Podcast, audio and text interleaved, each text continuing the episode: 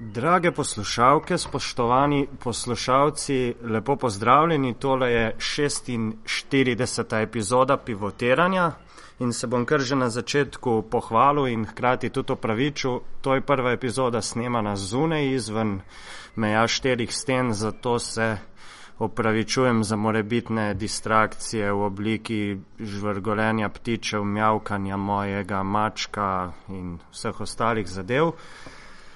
Eh, zgodil se je NBA draft eh, pred nekaj dnevi in to bo tudi eh, rdeča nit tele epizode. Z mano je naš stalni severnoameriški dopisnik Damir Živo. Zdravo. Ja, nič. Ta opevan draft se je zgodil, že govoril se je kar nekaj časa pred njim, ker je eden močnejših v zadnjih letih. Epilog prvi pik Andrew Wiggins, kanadčan, ki ga je uh, v, svoje, v svojo sredino pripeljal Cleveland, drugi pik Jabari Parker, uh, američan, oba igrata recimo na pozicijo krila, mogoče Wiggins lahko igra še na mestu številka dva, Parker pa tudi na štirici. Uh, za začetek se bom kar tukaj ustavil pri Wigginsu, gre za, za fanta, ki ima izjemno, izjemno gensko zasnovo, bom tako rekel. Mislim, da je njegov oče igral v NBA-ju košarko, profesionalna mama pa je šprinterka rojena na Barbadosu, s košarko pa se ukvarja tudi njegov brat. Um, kdo je bolj recimo pripravljen na ligo NBA, Parker ali Wiggins? Ja, jaz bi tu naredil eno ločnico, ko ljudje, seveda analitiki, predvsem v Ameriki, govorijo, da je nekdo pripravljen več ali manj uh, za NBA. Pripravljen ni nihče, ki še ni odigral nobene tekme v NBA. To je moje mnenje. Uh, lahko so igralci bolj pripravljeni telesno, uh, vendar mentalno, dokler niso začeli trenirati z NBA, so igralci, dokler niso občutili, tega utripa NBA, dokler niso začeli z potovanji, z uh, drugačno vrsto treninga, z drugačno vrsto obravnavanja košarke kot posla, uh, ni nihče pripravljen. Uh, mogoče je tvoje vprašanje šlo v smeri, kdo se bo najhitreje ja, prilagodil tako, ja. uh, NBA stilu. Uh, tudi tu je več uh, neznank. Po samem telesu naj bi bil Jabari Parker uh, najbolj pripravljen za igranje v NBA-ju. Uh, vendar pa Džabari Parkerja absolutno muči uh, slaba obramba. To je že pri Djuku uh, kazal. Uh, predvsem ni kazal velikega interesa, da bi poskušal. Torej, tukaj bo verjeten uh, delo, oziroma prva naloga trenerja, da ga motivira za obrambo. Absolutno, ne? absolutno. In tu je recimo Wiggins v absolutni prednosti, ker uh, igra obrambo s ponosom in želi si uh, igrati obrambo. Zanimivo je tudi bilo, da v predstavitvenem intervjuju v Clevelandu, ko je bil Wiggins predstavljen, ko so ga vprašali, kaj si želi, eh, je rekel, da poleg tega, da si želi biti all-star in da si eh, želi še marsikaj drugega, je rekel, da bi želel postati eh, obrambni igralec lige, kar, kar pomeni, da neki voljni moment ima. Uh, fizične predispozicije ima in tudi na, na koledžu je dokazal, mm -hmm. da lahko igra obrambo in sigurno uh, se bodo temu najprej posvetili, ker je dejansko njegova obramba trenutno močnejša od njegove napadalne igre. Ja, eh, poslušali smo primerjave, tako kot se vedno dela pred draftom, eh, kateremu recimo igravcu ali pa kar recimo zvezdniku eh, so te fantje najbolj blizu, recimo v kakšnega tipa igravca bi se razvil in Andrew Wigginsa so seveda takoj začeli primerjati z Lebronom Jamesom, ne, višina, podobna, uh, tudi postava, atletske sposobnosti. Kaj misliš, da bo on mogoče kaj obremenjen s tem lahko zaradi tega? Ne, ne bo. Jaz mislim, da ne bo, ker uh, poleg tega, da so ga mogoče primerjali tudi z Lebronom uh, Jamesom, mislim, da je, so ga še bolj primerjali z Tracyjem McGradyjem. Ne? In uh, Tracy McGrady je pa drugačen tip igralca ja. od Lebrona Jamesa. Uh, tudi mislim, da Wiggins ne more toliko mišične mase na sebe dati, kot jo ima recimo LeBron James. In tudi njegova, njegovo znanje, njegovo, njegova igra v napadu je še svetlobna leta od Lebron Jamesa in mislim, da ga ne more pod, v tem segmentu igre ujeti še nadaljnih deset let.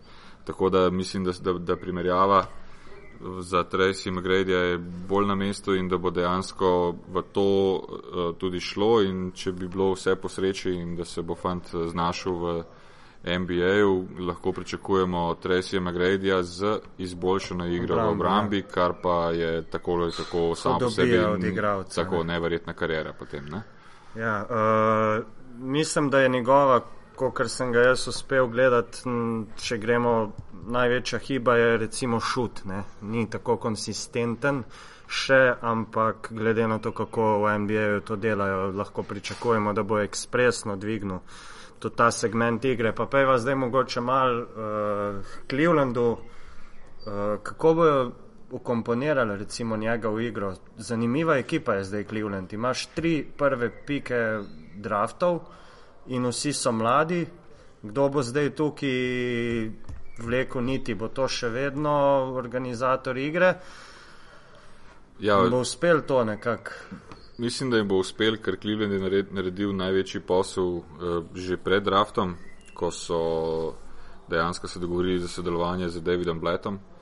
Um, Davida Bletta, mislim, da, da ni treba pre, pre, preveč uh -huh. predstavljati, šampion Eurolige z Makabijem, sicer ameriški trener, vendar je pa 23 let deloval v Evropi in je v bistvu prvi trener Euroligaškega moštva v NBA-ju. Uh, mislim, da bo on tisti, ki bo vlekel niti, ker na tak način David Bled deluje. Uh, David Bled dovoli svojim igralcem, da so zvezde, ampak uh, so pa zve, pri njemu so zvezde vedno pod nadzorom.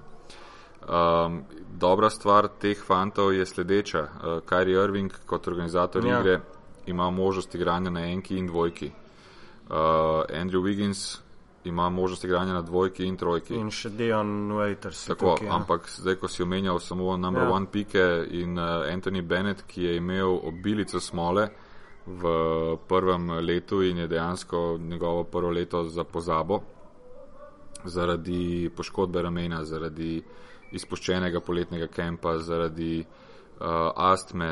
Uh, te stvari mu niso šle na roko, sedaj jih je saniral, uh, imel je operacijo uh, mandlov in uh, operiral tudi ramo, tako da bo prišel pripravljen na kemp in bo tudi on pomemben člen ekipe, igra pa lahko, seveda njegova prvotna pozicija je štirka, ampak igra lahko tudi trojko, se pravi čisto krilo. In zdaj, če se štejemo te štiri igralce, se pravi te tri number one pike uh -huh. in Diona Waitersa, se lahko po pozicijah od ena do štiri ja. uh, izmenjavajo. In to bo pa David Bled znal, če kdo bo to David Bled znal komponirati v eno celoto. Ja, sploh, ker so vsi, mislim, da nekako nekak mi deluje ekipa dokaj primerljiva z Makabijem. Uh, od enke do petke praktično atleti, prevzema lahko vsak vse, uh, obrambo lahko igra vsak na bilo katerem položaju v napadu, je pa tudi uh, zaradi te gibljivosti in vsega pač zadeva kar nekako steče. Ne? Sigurno. Jaz mislim, da, da bo David Blatt imel dejansko sladke skrbi, kako to ukomponirati. Ne pozabimo pa, da najstarejši od vseh štirih je dejansko Kari Irving, ki je letos ja. marca napolnil 22 let. Ja. 22 let, kar pomeni, da so še v bistvu to otroci, ki bi po starih običajih NBA trenutno igrali tretji, četrti letnik koledža. Uh -huh. uh, tako da Cleveland je imel nekaj smole s svojo izbiro trenerjev v zadnjih uh, sedmih, osmih letih. In uh, mislim, da te fantje, če so pametni, si želijo trenerja, ki jih bo dejansko, poleg tega, da jih bo treniral, da jih bo učil. In če bojo sprejeli to filozofijo, da se morajo še veliko naučiti, bo lahko Cleveland dejansko v roku dveh, treh let zelo, zelo nevarna ekipa, vsaj v vzhodni konferenci, da bi prišli do konca. Uh mhm. -huh. Ja, Clevelandu smo se posvetili ravno zaradi tega, ker nekako imajo, imajo nek posebni so na nek način zaradi teh prvih pikov in mlade ekipe.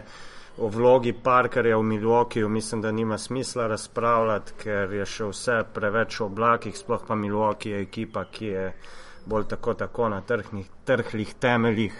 Ja, no, ravno zaradi tega mislim, da bo imel vsaj to priložnost, da bo, takoj, roke, ja. da bo takoj na začetku dobil proste roke, um, ker je pa današnja najnovejša informacija, da bo Jason Kidd uh, trener Milwaukeeja. Mm -hmm. Se mi pa poraja vprašanje, kako, bo, kako ga bo Jason Kidd v bistvu zmotiviral, da igra obrambo, kar mu pač manjka v igri. Ja, uh, ja nič. Uh, pred draftom se je poškodoval uh, Joe Lambit, to je bil prediciran na vseh mock draftih kot pik številka ena.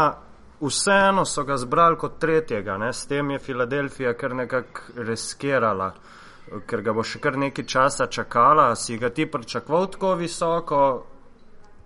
Takoj, ja, recimo, sem, sem iz prostega razloga, če pogledava potem po razporedu izbranih igralcev na vzdolj, vse ni centra. Vse ni centra, ja. on je edini uh, tako imenovani true center. Uh, je pa to en, en uh, kako bi rekel, e, eno, ena stvaritev narave. On dejansko, to je fant, ki igra organizirano košarko štiri leta. Eh, visok je 215 cm in z vso skočnostjo in motoriko na ravni igralcev, ki imajo samo 2 metra, eh, dejansko je bil projiciran za številko 1.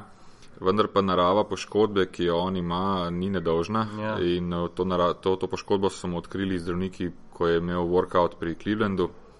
Uh, ta poškodba je pa za primerjavo, bom povedal tako, je Zidruna Silgauskas in Jao Ming sta imela, ja.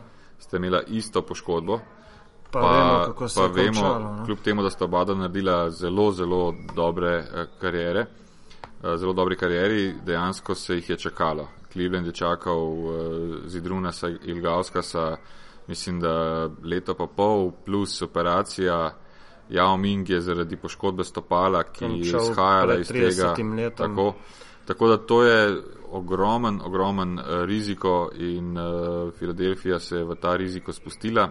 Uh, bi bilo, bo pa zanimivo, čez približno dve leti videti centrski par Joe Lambit in pa Nerlens ja. Noel, ki je bil izbran lansko leto, ki je ravno tako en, en uh, frik uh, atletski in, in igra centra in ta tako imenovani novodobni Twin Towers bi lahko bil, če nič drugega, zelo, zelo zanimiv za gledati. Uh mhm. -huh. Ja, nič, eh, gremo se še malo tukaj le posvetiti uh, telim pikom, preden greva recimo na, na nam bližje zadeve, ki predvsem imamo v mislih seveda bivšo Jugoslavijo in igralce z tega področja. Nekako mi bi, bi spregovorila par besed o pikih dveh najtrofejnejših ekip, ki ki sta letos in bosta verjetno tudi še naprej tankirali. Eh, Boston Celtics so kot šestega izbrali organizatorja igre Markusa Smarta. Um, kako vidiš mogoče njega v ekipi Bostona? Vemo, da se govori o, govori o tradih, uh, praktično se sploh ne ve, a bo sploh kdaj kadarkoli zaigral za Celtics, vemo, da, da je tam še ražen rondo kot nekak nesporni kralj pozicije, playmakerja. Kako ti njega mogoče vidiš? Ja, Marko Smart uh, je šele sedaj proti koncu svoje college karijere dejansko igral point guarda. Mislim, da na začetku so ga bolj uporabljali na poziciji dve, na shooting guardu. In jaz ga vidim še zmeraj na tem uh, nivoju iz preprostega razloga, zato ker je, ker je neverjetno močen za svojo višino, tudi po kilaži in po. Uh -huh dejansko po, po izgledu in po tudi po načinu igre, ker gre veliko dejansko pod koš uh, s prodori. Uh, jaz mislim, da bi bilo dokaj nesmotrno strani Bostona, da bi, da bi še karkoli se pogovarjali o, o menjavah in da bi Markusa Smarta se sedaj odpovedali. Mislim pa, da tudi ne bojo tega naredili, ker trener uh, Bostona Brad Stevens je tudi na nek način svež iz NCA mm. prišel v Boston in ima še to logiko v glavi, da je treba mlade igralce še razvijati in jih počakati. Sigurno pa Ražan Rondo ni bodočnost Bostona, prej je Marko Smart eh, bodočnost Bostona. A, tako da jaz mislim, da, da ga bojo zadržali. Bi pa omenil še pik številka 17, eh, ki ga je Boston izbral uh mhm. -huh. in to je James Young. Uh, James Young je pa en zelo zanimiv igralec, ki lahko predstavlja novo generacijo igralcev, ki igrajo na poziciji številka 2 in 3, uh, zelo prodoren. Tudi nekaj meta ima uh, prirojenega, kar, se, kar pomeni, da bojo lahko še v NBA-ju to izpilili in izbrusili.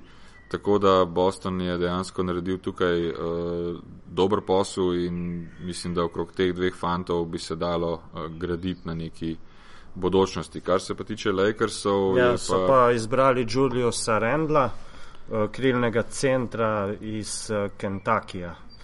Ja, Julius Randall je en zelo samozavesten mladenič, ki igra na poziciji 4. Sam nisem dobil kar sem ga gledal na, na univerzi igrati, nisem dobil tega občutka, da lahko tako dobro igra, kot dejansko govori, ker govori pa zelo rad, da je on super in najboljši in da je lahko vsem tistim šestim pred, pred njim eh, klubom eh, žal, da so izbrali druge igralce ja. njega. To bo moral še dokazati. Uh, je pa to nekako glih za Lakerse, ne? Je Če pa ja, pošal, dobro, ja, kar se tiče govorancije, je to za Lakerse, po drugi strani pa je delavec, maksimalen delavec na, na terenu. Uh mhm. -huh. In mogoče ne bo slabo za Lakerse, ki so navajeni tega showtima še iz 80-ih let, ja. da, da dodaš še enega delavca, ki na koncu naj ne bi preveč spraševal in dejansko na terenu da vse od sebe. Ja. Tako da Lakersi tudi mislim, da so z njim. Eh, naredili uh, dober posel, so pa še v drugi rundi izbrali Jordana Clarksona iz Mizurija, ki pa ima sposobnost tako imenovanega instant offensa, se pravi, eh, takoj, ko prije notri, da uspe uh, poentirati mm -hmm. v seriji, kar pa Lakersi v trenutni situaciji potrebujejo, ker uh, smatram, da, da Kobe ne bo mo mogel več nositi tega bremena sam ker, in, in, in, in potrebuje še nekoga, ki bi držal štango po domače ja. povedano, da ne bi rezultat šel v minus medtem, ko Kobe mora pač dobiti svoj počitek. Ne? Ja, ok, tole je nekako z tega splošnega stališča vse, zdaj se bova pa posvetila, kot sem prej omenil, igravcem, ki so bili draftirani z nam bližjega področja. Darijo Šarič, pik številka 12. Uh, eh, na koncu je pristal v Filadelfiji po tradu in pa Jusuf Nurkič, ki je pristal v Denverju kot 16. pik. Uh, za Šariča vemo, da bo še dve leti igral v Turčiji, kar pomeni, da, da bo imel dve leti še, da se dokončno nekako izprofilira, predvsem, da pridobi mogoče kakšen kilogram, pa da mal dodela med. Medtem ko Jusuf Nurkič, mislim, da je z glavo in že mislim, da tudi za eno nogo že v NBA-ju. Kaj bo tukaj zdaj, kdo bo imel več težav? Ja, težav več, po mojem ceni, bo imel Nurkič iz prostega razloga. Zato on je lahko z eno nogo že v NBA-ju, ampak on je z eno nogo v NBA-ju samo v svoji glavi. On je še tako mlad, da se še marsikdaj ne igra košarke, ampak se igra košarke. Uh eh, NBA je pa čisti 100% posel. In prej bo to dojel, lažja bo ta transformacija za njega, uh, mora pa podelati še na svojem telesu in ne, ne, iz, ne v smislu, da bi moral karkoli pridobivati uh, kilograme, ampak v smislu, da se bo moral izoblikovati. Ker to razbijanje z, z, z centri, uh -huh. vsaj 82 tekem na na sezono je brutalno, tudi če se spomniš, pri CD-viti je igral 10, 15, 20 mm. minut, uh, tukaj pa kar naenkrat lahko dobi uh, večjo minutažo, čeprav bo sigurno v začetku um, igral za Timofejem Mozgovom. Ne?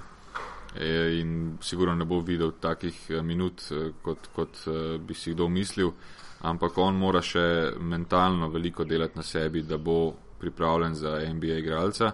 Ima pa možnost uh, in to zelo solidno možnost, če bo odigral vse karte pravilno, mm. da se lahko priključi igralcem, kot so Nikola Pekovič, recimo v ja. Minnesoti, ja.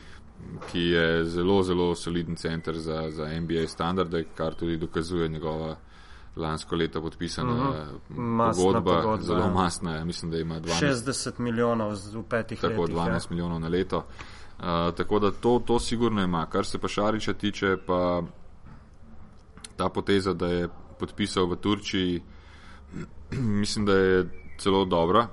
Čeprav vemo, kako kdo, je v Turčiji. Ja. ja, dobro, v Turčiji, kakorkoli že je, ima bo imel vsaj trenerja, ki bo znal ga usmerjati, uh -huh. tako da se bo razvijal. Šarič telesno mislim, da je že zelo blizu tega, da ustreza, Optimum, da ustreza NBA standardom. Uh, dejansko pa mora delati na metu. Uh, njegov met je najpoprečen v bistvu, nič, nič posebnega. Nadomešča pa to z zelo, zelo, zelo visoko košarkarsko inteligenco in mislim, da ima košarkarsko inteligenco na nivoju prvega pika letošnjega uh, drafta, če ne še višjo. Ja, ja, in to je stvar, ki jo, ki jo on prinese, eh, prinese k mizi. Bi pa še to podaril. Filadelfija, marsikater strokovnjak, eh, ki je spremljal draft v Ameriki, je se praskal po glavi, kaj dela Filadelfija s temi uh, piki in tako naprej. Ampak Filadelfija sestavlja eno ekipo, ki bo čez dve leti, dve do tri leti zelo zanimiva. Uh mhm. -huh. Michael Carter Williams, uh, Dario Šarič, Embit, uh, Noel, to so vse fanti, ki so mladi in lahko s svojim znanjem mešajo štrene, v bistvu res naj, najboljšim. Ne? Tako da Filadelfija danes mogoče izgleda kot eden od poražencev drafta, ampak uh, se lahko, se lahko obrne. obrne čez dve leti, da bojo zmagovalci drafta. Ja, eh, Šariča imamo v Evropi za nekakšnega čudežnega dečka, ne? opevan je že pet let, recimo po vseh tistih simultankah na, na prvenstvih mlajših kategorij in tako naprej. Uh, kako ga na njega gledajo v Ameriki? Verjetno predvsej, predvsej bolj rezervirano in z manj superlativi. Ne?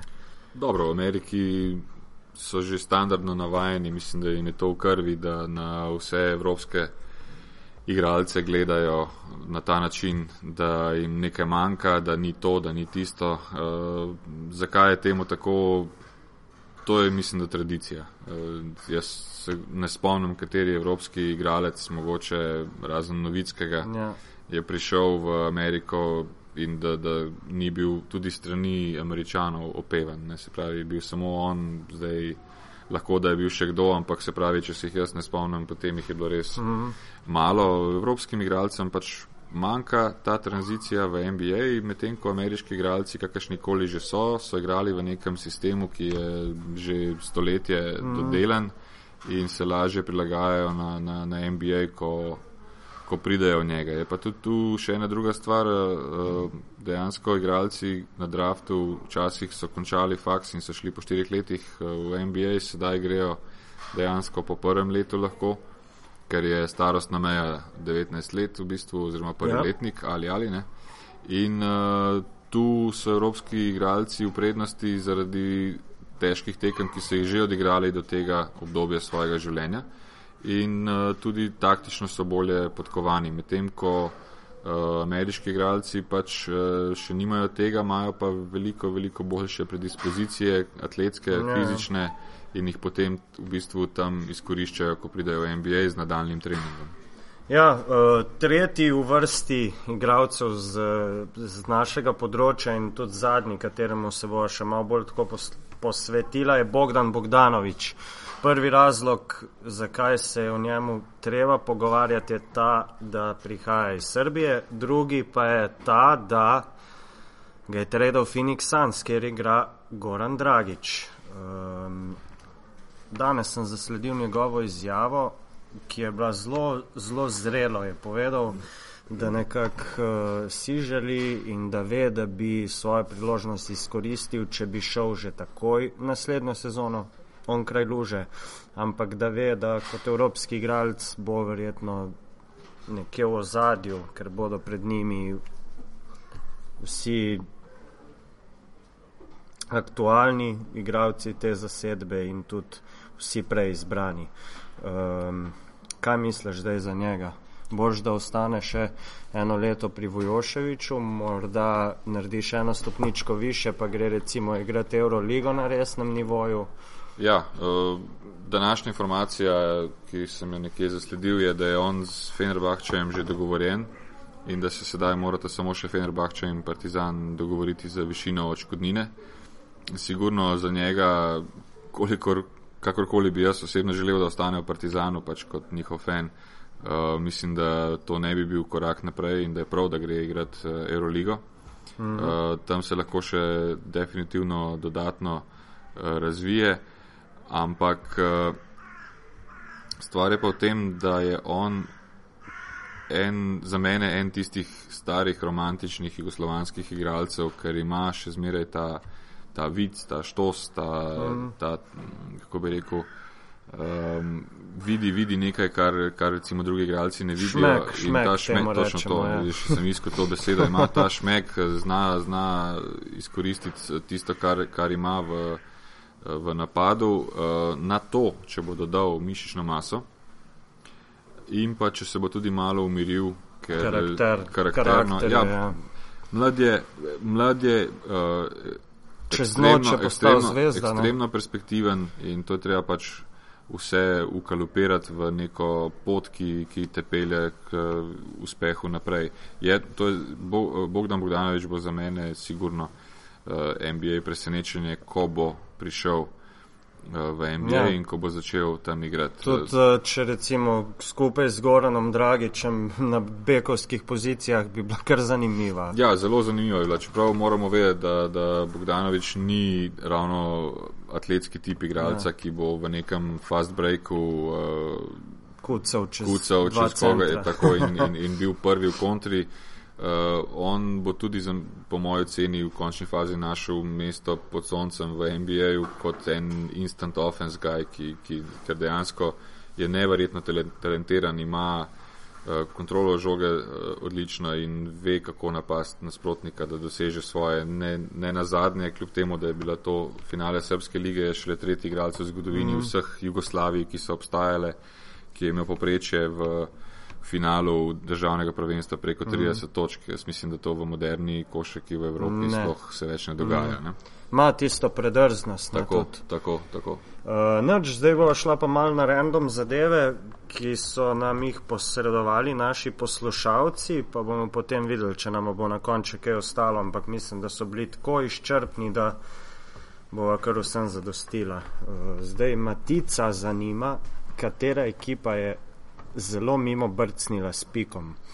In uh, če lahko kdo konča kot Benet, zdaj kaj ti misliš, je tako na prvo oko, sploh lahko rečemo, da je to pa fail Ja, za bilo kater pik.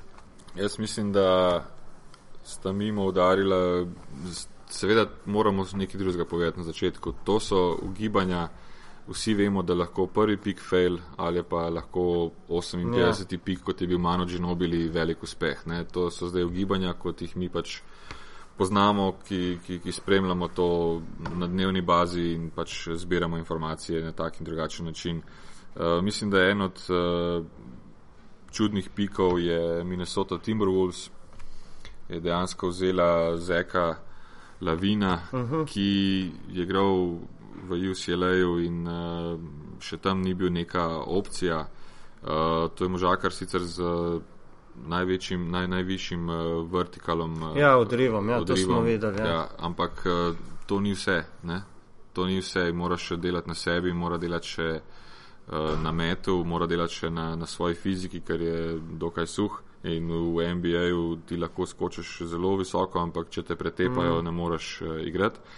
Druga stvar je pa ta, da kljub temu, da se je opravičeval in da ni mislil tako in da je bila njegova reakcija v drugo smer obrnjena, se je nekako kazalo že, ko je, so njegovo ime izgovorili, eh, da ga izbira Minnesota, da je bil popolnoma razočaran, da, da gre v Minnesoto. Seveda- Mraz, sneg.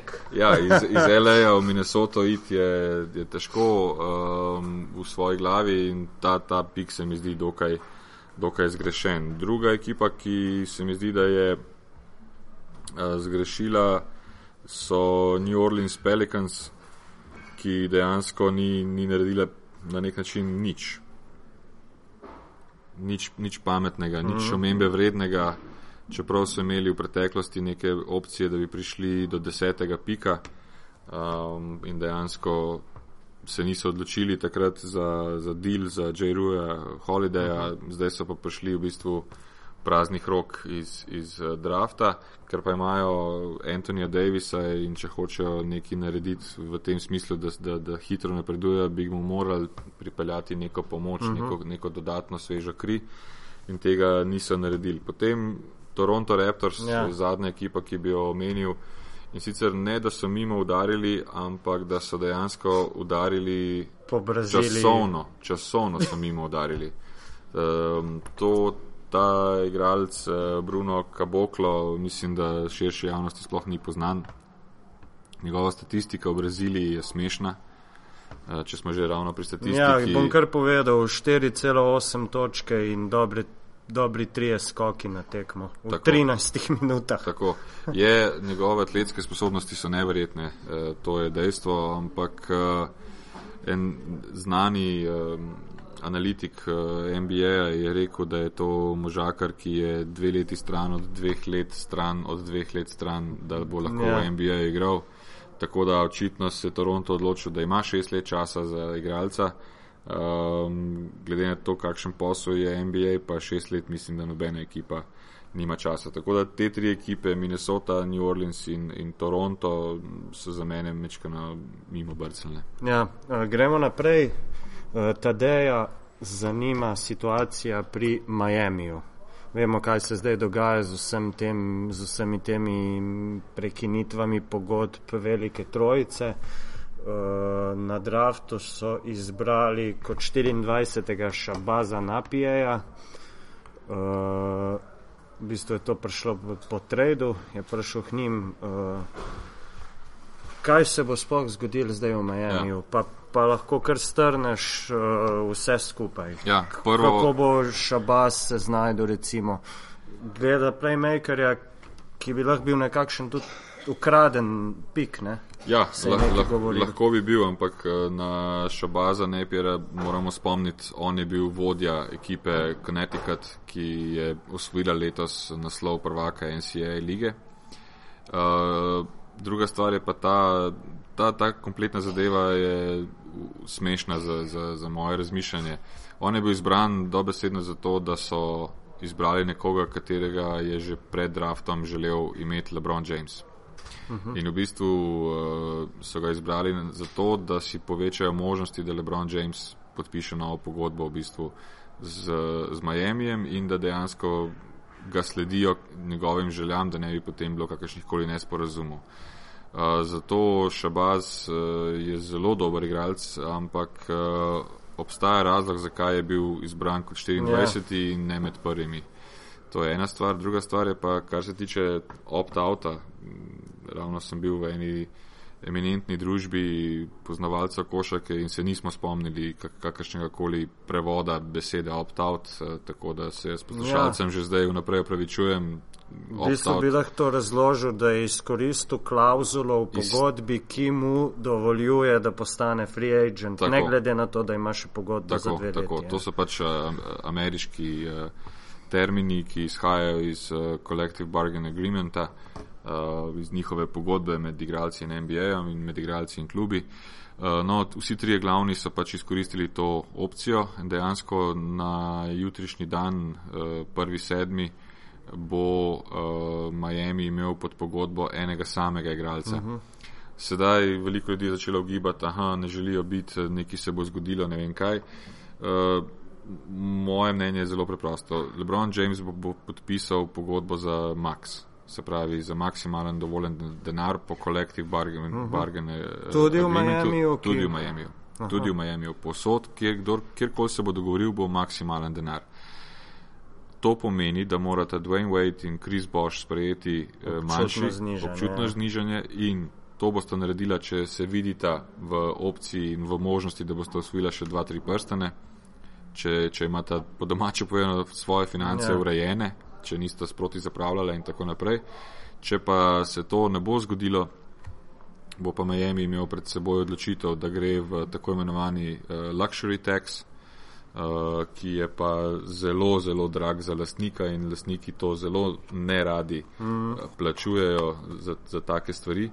Uh, tako da jaz vidim to opcijo, da se to zgodi v primeru, da dobi LeBron James Max ona dva morata pa eh, iti na znižanje. Če se to ne bo zgodilo, bo potem poletje še bolj vroče in se lahko zgodi, da bo LeBron James dejansko odšel drugam.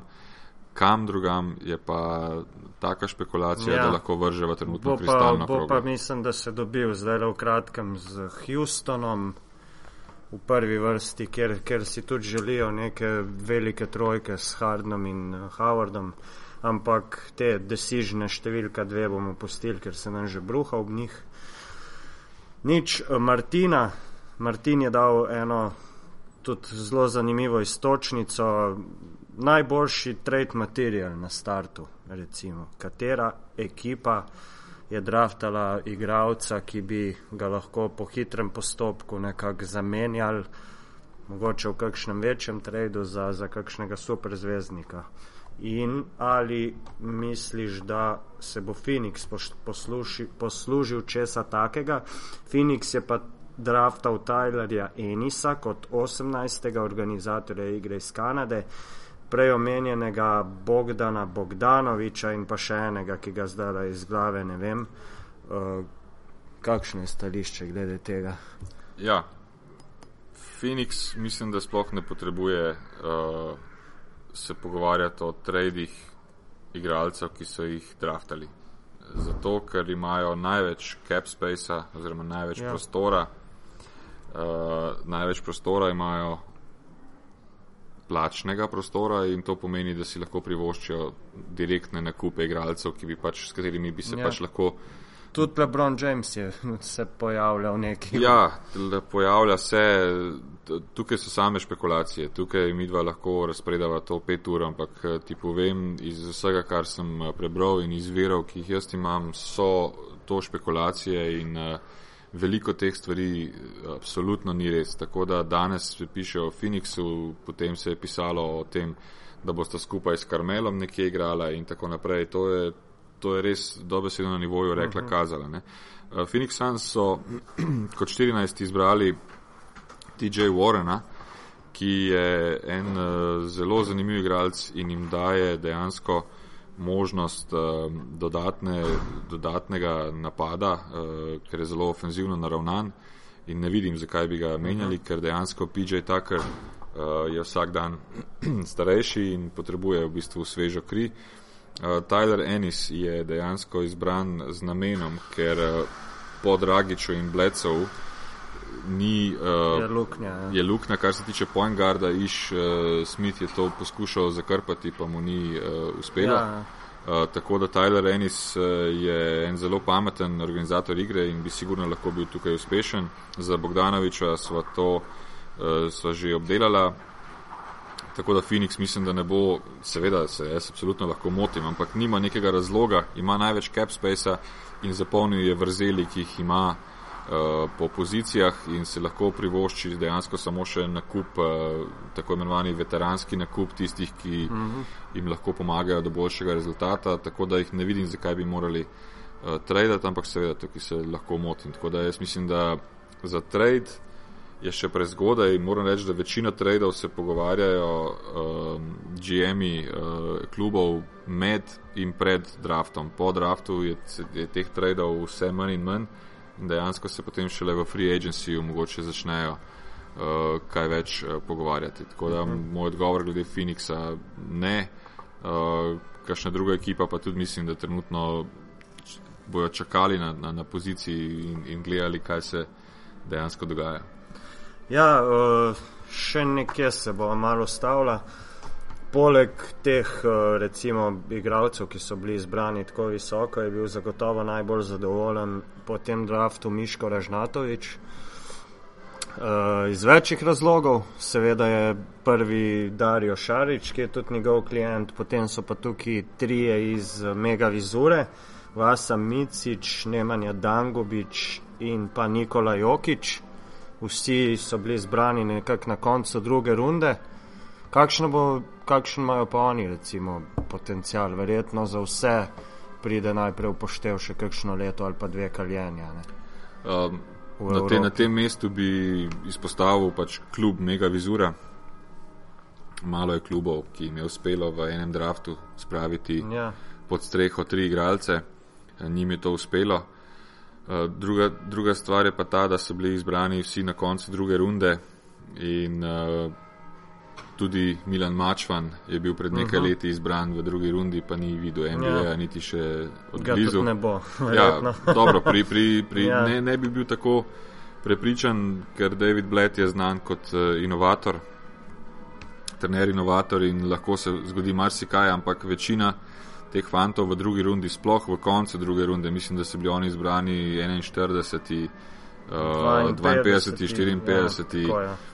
Te fante bojo morali še leta in leta v Evropi se dokazovati, da bi bili potem v pogovoru s svojimi matičnimi klubi, ki so jih draftali, da bi prišli v NBA. Ne. Tako da za Ražnatovič je sigurno velik uspeh, eh, tudi za ABA ligo velik uspeh. V Ja. končni fazi 10%, 660 jih je bilo izbranih iz ABA lige, kar gotovo govori o tem, da je ta liga kvalitetna. Kvalitetna je pa zato, ker klubi ne premorejo veliko denarja in so prisiljeni v ogenj pošiljati mlade igralce in jih v bistvu kalijo na najboljši možni način. Ne.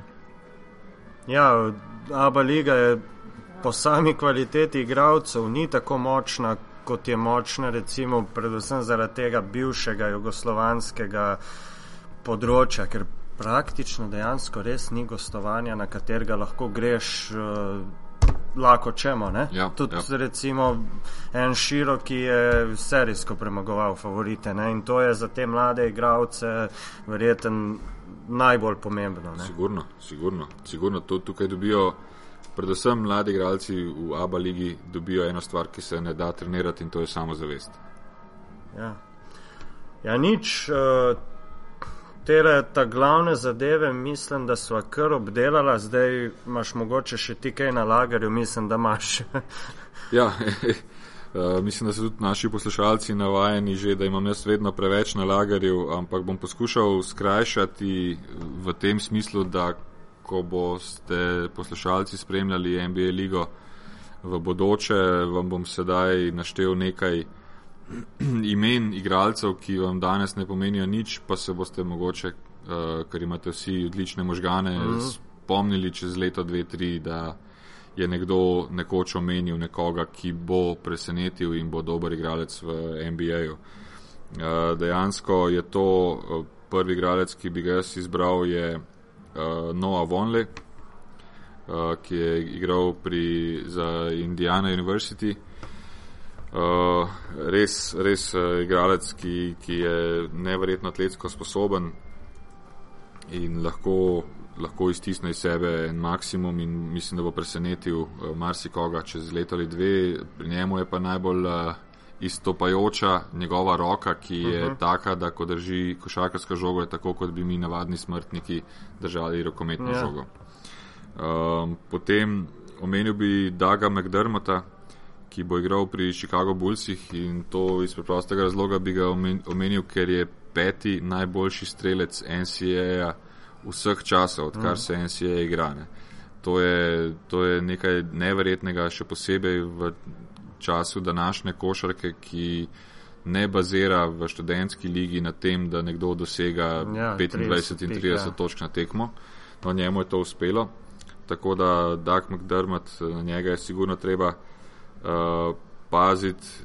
Dejansko mislim, da bo dosegal uh, veliko. Uh, potem zanimiva, mogoče ne toliko iz strani kvalitete, ampak zanimiva uh, opcija se ponuja uh, Oklahoma City Thunderju, ki bo imela eno, eh, bom rekel, uh, trojko v centrski liniji in sicer uh, Steven Adams, uh -huh. ki že zdaj igra, uh, potem Nick Collison in pa izbranec na draftu Mitch McGarry. Ja, To, so, center, ja. to, to je, so lahko novi zametki tako imenovanih eh, bad boys. Vsi trije so sicer uh -huh. beli, ampak so zelo, zelo navihani in sposobni pretepsti vsakega, ki jim pride uh, pod koš. Šabaz na Pierre so povedala, uh, PJ Hairston, uh, uh -huh. zelo zanimiv izbran kot 26. strani Charlotte Hornetsov. Uh, PJ Hairston je bil vržen ven iz uh, University of North Ja, Carolina. in je igral development. Tako, ligi. ampak je pa tako kot uh, rečejo ameriški komentatorji, NBA ready, dejansko en uh, napadalen igralec, ki igra na poziciji številka dve in bo presenetil uh, marsikoga. Uh, potem pa zadnji pik prve runde, San Antonijo s Pursom je spet uspelo pametno izbrati na draftu in sicer izbrali so uh, krilo Kyle Anderson uh -huh. iz UCLA. Um, to je tako, kot da bi še enkrat izbirali mladega Borisa Diova. Uh -huh. Dejansko počasen, eh, dokaj slabo okreten, vendar pa z neverjetno inteligenco in pa z neverjetnim znanjem prilagajanja timski košaki, ki jo pač San Antonijo ja. boji. Tako da spet so zadeli, uh, jaz sem bil presenečen, da Kyle Anderson ni bil že prej izbran, ker ima vse potrebne kvalitete, ni pa, ni pa in to je, to je težava današnjega NBA-ja v naših nekaterih starejših očeh, ni pa seksi izbor. In San Antonijo že dolgo časa ne izbira, nima, ja, nima tega, seksi ja. izborov, ampak mislim, da rezultati povejo vse. Uh, v drugi rundi je nekaj uh, igralcev, ki uh, so tako imenovani sliperi, se pravi, nihče na njih ne računa, uh mhm. -huh. pa znajo presenetiti. Pod številko 34 je uh, Anthony Early, uh, en uh, totalen ofenzivc, ki bo v New Yorku lahko, tudi če Carmelo Anthony odide, takoj ja, uh, instantno pomaga. Ja bo instantno pomagal, sicer je še dolgo, da pride on do Karmela Antonija, ampak vseeno, uh, dokaj hitro uh, se, bo, se bo znašel. Um, Atlanta je izbrala pod številko 43 uh, Walterja Tavaresa, uh, ki igra v Španiji. Uh -huh. Iz Kapverdskih otokov. Tako, je, in ima, mislim, da je že 221 ali nekaj takega centimetrov. Uh, to bo zelo zanimivo gledati, ker takih, uh, take igralce vedno NBA potrebuje. Uh -huh. uh, tako da to so nekako te igralci. Mogoče bi še omenil Alessandra Gentilija, ki ja, je pač italijan, um, ki je bil izbran kot 53. Gentile, kot slišim na zadnje, je dobil ponudbo od CSK-ja, da bi igral tam in tudi mislim, da bo nekaj časa še v. Evropi. Ja, pa v Minnesoti, kjer imajo že tako kar dosti internacionalnih uh, košarkarjev, tako da bi znal dobiti priložnost. Ne, ja, no, ampak so že zamenjali, Minnesota ga je že Aha, zamenjala ja, ja. v Houston. Tako, uh, tako da to, je, to so te igralci, ki sem jih tako na hitro še navrgal poslušalcem našim. Če se bo kdorkoli od njih razvil in da boste za njega slišali čez par let, kako odlično igra v NBA-ju, boste lahko rekli, da ste tukaj slišali to mhm. prvi. -huh. Ja, noč, eh, še za konec, čist kole, uh, da si GM ekipe, ki ima prvi pik, pa recimo Clevelanda, a bi isto zbral Andrewa Wigginsa ali bi mogoče uh, glede na roster, če pogledaš vse skupaj, rajš preferiral katerega drugega? Ja, jaz bi izbral Joela Embida, če ne bi bil poškodovan. Čisto preprosto. Uh -huh. Po mhm. drugi strani, Andrew Wiggins je bil najbolj, kako bi rekel, safe izbor, spravo najbolj pomagal. Ja, ja. uh, najbolj, varen, ja. najbolj varen izbor in dejansko z njim ne moreš zgrešiti. Uh, ima to opcijo, da pokriva dve poziciji, ki sta v Clevelandu trenutno zelo uh, slabi. Uh, Medtem ko Jabari Parker ni bil v mojih mislih nikoli, ker je njegova naravna pozicija uh -huh. krilni center, uh, Cleveland ima pa že dva krilna centra in to oba mlada, se pravi Tristana Thompsona uh -huh. in uh, Antonija Beneta. Uh, Tako da to je bil najbolj varen uh, izbor in dejansko uh, pri Wigginsu so komentatorji in strokovnjaki enotni, da je njegov uh, limit uh, neomejen in da, da lahko v bistvu uh, pride do, do, do zvezd uh, samo sicer s trdim delom, ampak da ima vse predispozicije, tako kot si ti na začetku začel današnjo dajo. Uh, ima absolutno v genih atletiko in košarko, ja. in uh, tukaj mislim, da smo že vse povedali. Mislim, da je, kogar sem ga spremljal, je dokaj tako na tleh skuliran fant, ne, ni nek. Uh, ja, skuliran je ja. pa zato, mogoče bomo zdaj malo zašli same košarke, skuliran je pa zato, ker je njegov oče, ki je igral v NBA-ju, imel težave z drogo. Je tudi zaradi tega uh, uh -huh. dokaj hitro moral oditi iz NBA-ja in mislim, da se mu je to potem, uh, da mu je to v glavi ostalo in da je svoja sinova njega in brata na drugačnem mm. nivoju potem in, in vzgajal in še, treniral. Še ena taka NBA zgodba, in, ta prava. to in, in ima pri očetu vse tisto, kar si mlad človek lahko želi. Točno ve, kako deluje ustroj NBA lige, mm. uh, kaj se dela in prav, kaj se ne sme, sme se ja. delati in zato je lahko on na, na, na trdnih tleh. In pa ne na zadnje bi pa še to povedal, Andrew Wiggins je izrazil željo, da bi bil rad v Clevelandu, medtem ko Jabari Parker je pa uh -huh. potihem sicer, ampak s svojimi dejanji izrazil željo, da ne bi bil v Clevelandu. Torej, ni bilo kaj za, za razmišljati in mislim, da so se odločili pravilno. Pa to ne velja, ne glede na to, ali sem jaz navijač ali ne. Pravilno so se učili, odločili varen, uh, varen izbor, še posebej po lanskem letu, ko je prvi izbor bil Anthony Bennett, ki je dejansko v prvem letu kljub vsem težavam, ki jih je imel, uh, zelo, zelo razočaral in si Cleveland ni mogel privoščiti, glede na to, da so imeli res neverjetno srečo v tem plesu kroglic, uh -huh. kot se reče, tej draft loteriji. Uh, si niso mogli privoščiti, da bi spet šli z nekimi riziki in uh -huh. ne, ne vem, s čem drugim še. Šli so z varnim, varnimi zadevi, Andrew Wiggins bo v NBA igral, seveda, če ne bo poškodb in tako naprej, bo igral dolgo časa in igral bo dobro. Uh -huh.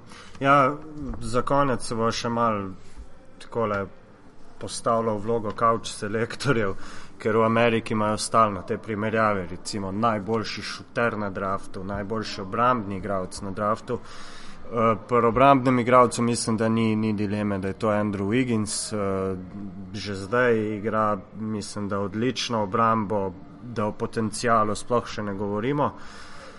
Najboljši šuter, Nik Stauskas, verjetno. Ne? Definitivno.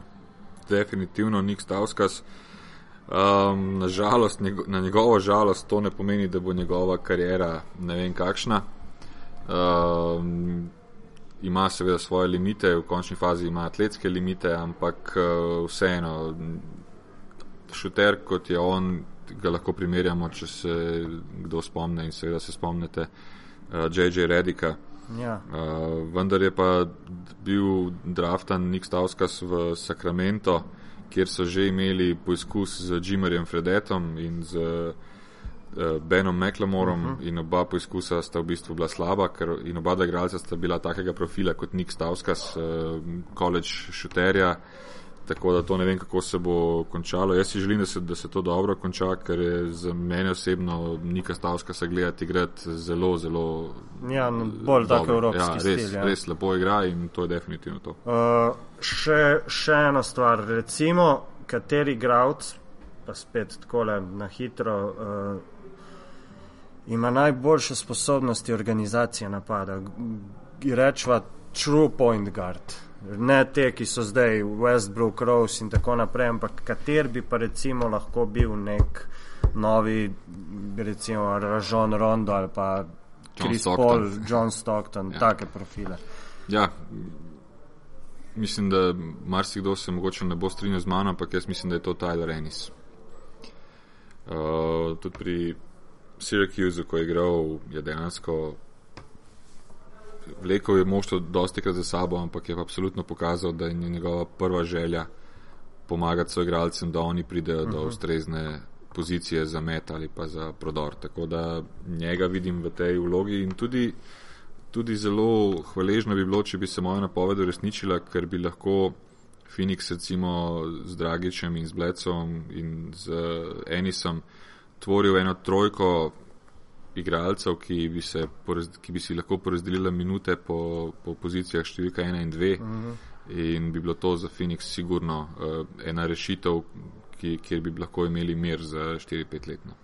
Ja, noč mislim, da sva vse spravila pod streho, še več kot sem si jaz na začetku mislil. Informacije, ogromno materijala, da nas čez pet let lovite, tam sta pa zafrknila, po domač povedanje, tudi dost za pohvaliti, tudi če bo se to uresničilo, kar je bilo povedano.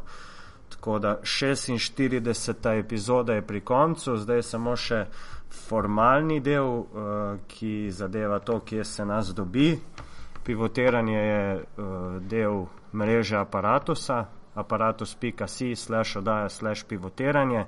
Tam imate vse epizode, tudi tale 46. bo tam, imamo svoj profil na Twitterju in Facebooku, kjer so vsi komentarji, pljuvanja, pohvale, nima veze, vsak feedback je zelo, zelo dobrodošel. Mrežo aparatu se, se da tudi finančno podpreti, tem verjetno že sami dovolj veste. Uh, moja malenkost se na Twitterju najde pod zbale z dvema L, pa na Facebooku pod imenom in primkom, seveda. Zdaj pa še ti povej svoje. Ja. Mene se na Twitterju najde pod uh, MRDEE25, se pravi Mr. D25, vas pa ob tem začetku vročega poletja v NBA-ju in raznih stvari, ki se bodo dogajale, res še enkrat uh, zelo ljudno vabim, da se tudi, da tudi sledite uh, NBA SLO, se pravi NBASLO kjer uh, vam bom poskušal dejansko čim prej uh, servirati najnovejše dogajanje, prestope in tudi kakšen zanimiv trač ali pa kakšno zanimivo zadevo iz preteklosti NBA. -ja.